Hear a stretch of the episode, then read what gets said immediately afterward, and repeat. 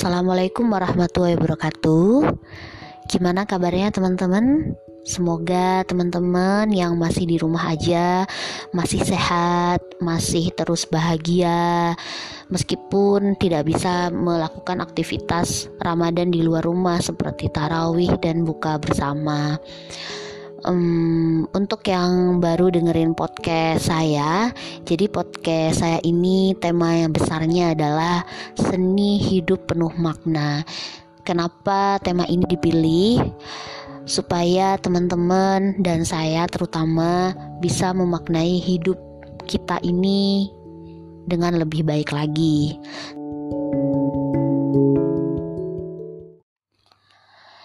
Di podcast sebelumnya, saya membagikan kisah tentang seorang tokoh bernama Ibnu Batuta. Apa hubungannya kisah itu dengan seni hidup penuh makna? Ada. Jadi, saya ingin teman-teman bisa mengambil hikmah dari kisah seorang tokoh. Insya Allah, saya akan banyak bercerita tentang tokoh, tentang buku, tentang film, atau mungkin tentang kehidupan pribadi saya yang bisa teman-teman ambil hikmah supaya bisa memaknai hidup ini. Nah, kali ini saya akan membagikan kisah tentang bagaimana perjalanan saya dari SMK hingga sekarang menggeluti bidang pendidikan yaitu sebagai seorang guru. Jadi dulu uh, teman-teman kalau Dulu, setelah lulus SMP, saya punya cita-cita bisa bekerja di perusahaan yang gajinya besar. Kenapa? Karena saya berasal dari keluarga yang kurang mampu. Ibu saya lulusan SD yang ijazahnya kalau ditanya sekarang nggak tahu di mana. Kemudian ayah saya juga lulusan SD. Jadi, pendidikan tinggi bagi saya itu hal yang sangat tabu. Bahkan saya tidak tahu bahwa setelah SMA itu masih ada pendidikan lanjut yang sekarang kita kenal S1, S2 gitu ya. Saya nggak ada bayangan ke arah sana. Jadi setelah saya lulus SMP, dalam benak saya, saya harus jadi kaya. Jadi setelah SMP saya mengikuti tes masuk ke sekolah menengah kejuruan. Waktu itu namanya adalah SMK Negeri 1 Cerme. Di sana banyak jurusan. Jadi ada jurusan pendingin, jurusan listrik gitu, ada jurusan kimia, komputer, tata boga. Karena saya perempuan, jadi saya memilih jurusan yang tentunya relate sama gender saya. Memasak nggak mungkin karena saya nggak bisa masak. Terus komputer hmm, nggak juga. Saya nggak bisa komputeran karena saya bukan bukan. Sebenarnya dulu alasan nggak ngambil komputer itu karena ada desas-desus yang mengatakan kalau kamu diterima di jurusan komputer di SMK, kamu harus membeli komputer di rumah. Nah, ini hal yang memberatkan buat saya gitu. Karena saya nggak punya uang. Akhirnya saya memilih jurusan kimia. Waktu itu kimia industri. Sekarang sudah ada kimia analis. Dulu cuma satu. Masuklah saya gitu kan. Saya daftar ke situ saya ikutan tes dulu tesnya ada tes tulis dan ada tes wawancara. Saya ikuti semuanya. Ya udah setelah mengikuti semuanya loloslah saya gitu. Jadi saya resmi diterima sebagai siswa jurusan kimia industri di SMK Negeri 1 Cermi nah selama bersekolah di SMK saya masih belum punya bayangan tuh mau ngelanjutin pendidikan. Jadi dalam bayangan saya cuman pokoknya saya harus belajar giat nilainya harus bagus saya mempelajari semuanya ilmu-ilmu kimia yang ada di bidang industri saya pelajari lebih detail supaya saya bisa masuk ke perusahaan yang gajinya besar. Waktu itu saya pengen banget keterima di perusahaan petrokimia. Itu di Gresik sih. Dan orang-orang yang bekerja di petrokimia itu pasti punya nama yang lebih keren gitu. Jadi kalau misalnya kalian tuh ditanya sama orang eh kamu kerja di mana? Pasti kamu jawabnya bangga banget dah kalau misalnya udah kerja di petrokimia. Aku kerja di petro gitu. Sama lah kalau sekarang misal ditanya sama orang kamu kuliah di mana? gitu kalau jawabnya UGM gitu pasti kenceng banget. Kondisinya seperti itu. Uh, dulu kalau nggak Petro saya pengen juga diterima di Unilever. Unilever itu kantornya di Jakarta di Tangerang. Saya udah tahu sih bahkan saya rela maksudnya ya udah nggak apa-apa deh saya ke Jakarta gitu kan. Jadi dulu dari dulu udah udah ada bayangan mau pergi ke Jakarta cuman perginya ke Unilever. Setelah itu kelas berapa ya? Kelas 2 masih belum ada bayangan tuh buat kuliah. Jadi ya udah uh, lanjut aja gitu kan. Kita tekuni. Terus udah mulai ada perubahan itu waktu kelas 3 SMA eh 3 SMK ding ya. 3 SMK kapan dong ada perubahannya? Keperubahan itu kalau saya inget sih waktu kelas 3 ya. Jadi pas kelas 3 SMA saya dapat informasi kalau petrokimia itu susah masuknya gitu hmm, banyak orang bilang kalau mau masuk ke sana itu harus membayar sejumlah uang. Dan uang yang dibayarkan tuh nggak murah loh. Jadi cukup mahal lah ya udah angka jutaan gitu. Saya berpikir buat apa sih masuk sebuah perusahaan terus harus bayar gitu kan? Jadi saya coret lah itu perusahaan petrokimia dalam list kemudian Unilever. Hmm, dulu Unilever itu masih buka lowongan untuk perempuan dan laki-laki. Tapi setelah nggak tahu deh ini penyebabnya apa. Pokoknya waktu saya kelas 3 semester 1 waktu itu saya inget banget Petro eh Petro ini lever tuh buka pengumuman buka lowongan gitu. Sayangnya dia hanya buka lowongan buat laki-laki. Jadi nggak ada lowongan buat perempuan. Nah saya coret lagi tuh Unilever dari daftar list impian saya gitu. Kemudian saya pulang ke rumah. Saya pulang iseng-iseng waktu itu saya buka Google. Saya buka Google saya cari PT Petrokimia. Waktu itu buka websitenya. Entah kenapa Tuhan tuh uh, mengarahkan saya kepada sebuah file PDF gitu ya. Uh, saya lupa lupa inget judulnya apa tapi yang pasti isinya itu tentang jajaran direksi PT Petrokimia. Dan ketika saya tahu di belakang nama mereka itu ada gelar, banyak gelarnya, nggak nggak satu pokoknya. Terus alumninya juga disebutin tuh teman-teman. Jadi misalnya nih direktur pengembangan gitu ya di Gladi namanya ada banyak gelar terus dia disebut alumni dari Institut Teknologi Surabaya. Akhirnya saya seperti mendapatkan pencerahan. Wah saya bisa nih masuk ke petrokimia tanpa membayar. Jadi saya mikirnya waktu itu seperti itu doang sih. Kemudian uh, saya mulai mencari apa ya jurusan yang relate sama PT Petrokimia saya pun memberanikan diri buat daftar ke Institut Teknologi Surabaya. Jurusan uh, ini agak berat sih emang jurusannya. Jurusan Teknik Kimia. Waktu itu boleh milih dua jurusan. Jadi saya memilih jurusan Teknik Kimia dan Kimia Industri.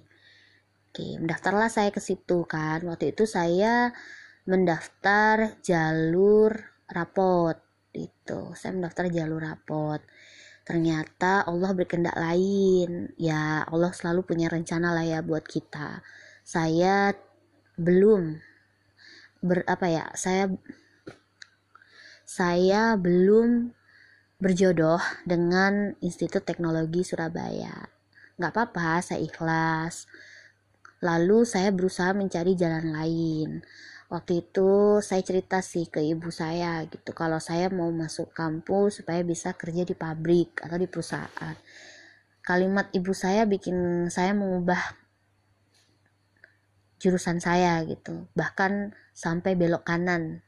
Agak nabrak sih ibu saya bilang gini kamu perempuan kalau kamu kerja di pabrik kasihan nanti anak-anak kamu kalau di pabrik itu kan kerjanya shift. Ada shift 1, shift 2, shift 3 kalau teman-teman tahu tuh kerjanya kalau shift 1 dari jam 7 sampai jam 2 siang. Pokoknya per 8 jam. Kemudian kalau shift 2 itu dari jam 2 sampai jam 10 ya kayaknya. Dan terakhir itu dari jam 10 sampai jam 6 eh ya jam 6 pagi deh ya jadi ibu saya memberi nasihat supaya saya memilih jurusan yang uh, bisa berseragam. Waktu itu bilangnya begitu. Jadi ibu saya tuh suka banget lihat orang-orang yang pakai seragam. Contohnya PNS gitu. Ujung-ujungnya sih ibu saya bilang udah jadi guru aja. Gitu. Kan kalau guru kan pakai seragam ya anggun hmm, disukai sama masyarakat gitu. Akhirnya saya belok kanan agak banting setir sih. Saya memilih kampus Universitas Negeri Surabaya. Saya pilihlah gitu. Waktu itu saya memilih IPC campuran. Saya bisa memilih tiga jurusan, dua jurusan IPA, satu jurusan IPS. Dan waktu itu saya pilihan satu memilih jurusan kimia waktu itu. Kemudian kalau eh kalau yang kedua itu jurusan pendidikan kimia. Dan yang ketiga, nah ini nih, karena kan IPS ya, sementara background saya itu IPA. IPA SMK ke kejuruan akhirnya saya memberanikan diri buat memilih jurusan bahasa Indonesia. Waktu itu saya belum kepikiran buat pendidikan bahasa Indonesia. Karena saya hobi menulis jadi setiap kali istirahat di sekolah gitu saya pasti nulis di komputer perpustakaan. Dan kebetulan satu di antara cerpen saya itu baru satu loh ya itu masuk di koran Jawa Pos ya udah saya akhirnya memutuskan untuk memilih ternyata kata ibu saya lagi jurusan bahasa Indonesia itu jurusan apa sebenarnya ibu saya sih nggak nggak komentar yang panjang sih cuma nanya doang kalau kamu masuk jurusan bahasa Indonesia, nanti kamu jadi apa? Memang begitu pemikiran orang tua gitu ya. Pemikirannya uh, setelah lulus kamu nanti kerja apa gitu, praktis lah ya. Tidak memikirkan bahwa ah ini kuliah cari ilmu gitu, nggak seteoretis itu. Akhirnya saya nyari-nyari lagi tuh informasi gitu kan setelah ibu saya bertanya oh ya udah deh biar tetap me, apa ya me, mengakomodasi hobi saya menulis saya pilihlah jurusan pendidikan bahasa Indonesia. Ada unsur pendidikannya ada unsur menulisnya. Waktu ditanya sama ibu saya lagi tenang saya jawab saya masuk jurusan yang akan menjadi guru.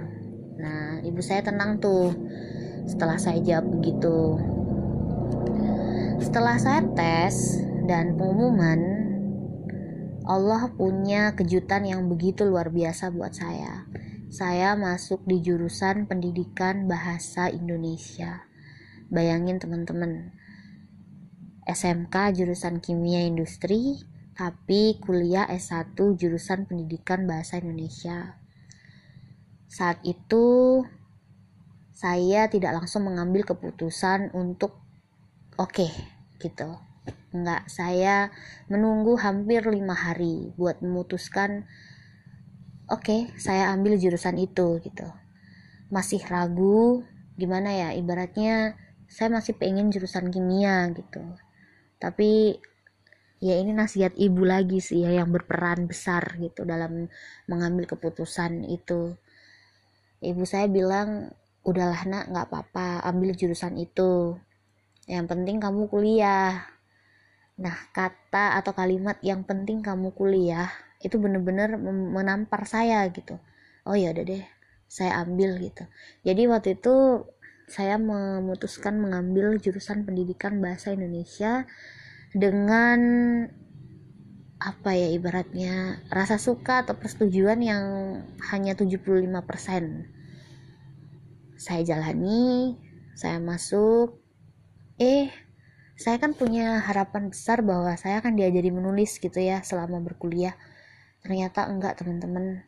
Aktivitas itu enggak ada sama sekali di kampus meskipun jurusannya bahasa Indonesia. Waktu itu saya kecewa sih. Aduh gimana ya gitu. Hanya menulis yang yang membuat saya terhibur dan menyukai jurusan ini. Kalau itu nggak ada gimana dong? Tapi itu hanya saya tanyakan pada diri saya sendiri sih. Dan sebetulnya waktu itu saya sepertinya belum menemukan jawaban gitu ya. Di saat seperti itu ibu saya sempat sih menawarkan untuk pindah jurusan. Maksudnya saya keluar gitu ya dari kampus lalu ikut tes lagi tahun depan.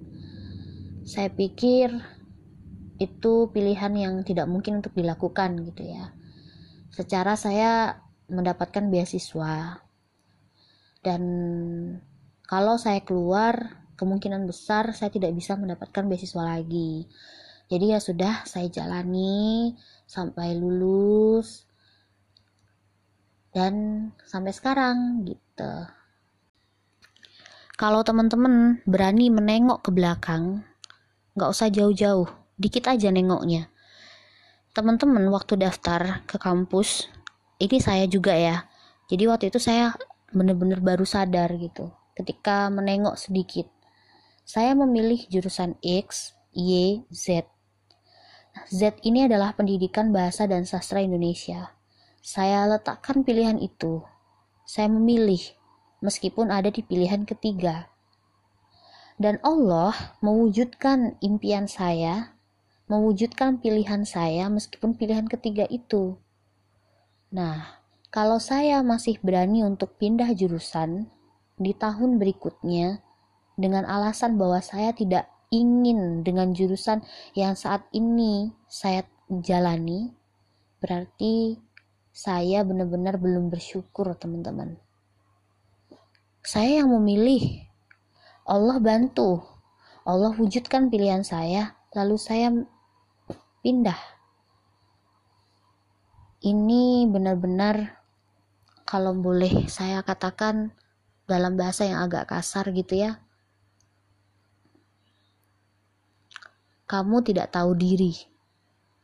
Kamu tidak pandai mensyukuri apa yang Allah berikan kepada kamu. Jadi buat teman-teman yang saat ini sedang kuliah di suatu jurusan, tolong ditengok lagi ke belakang siapa yang memilih jurusan itu? Teman-teman sendiri bukan? Jadi kalau teman-teman tidak diterima di pilihan pertama, lalu saat ini menjalani jurusan di pilihan ketiga, yuk jalani aja yuk. Kita jalani dengan penuh tanggung jawab, penuh disiplin, dan keseriusan yang tinggi. Insya Allah, teman-teman akan jadi sesuatu, akan jadi seseorang di masa depan.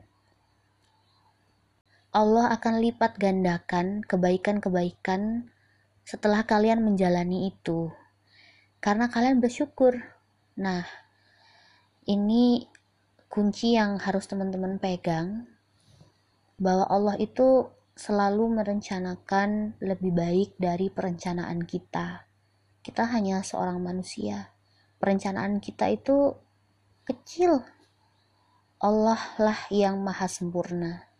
Yuk teman-teman, kita syukuri apa yang udah kita dapatkan, apa yang udah kita genggam, dan apa yang kita raih.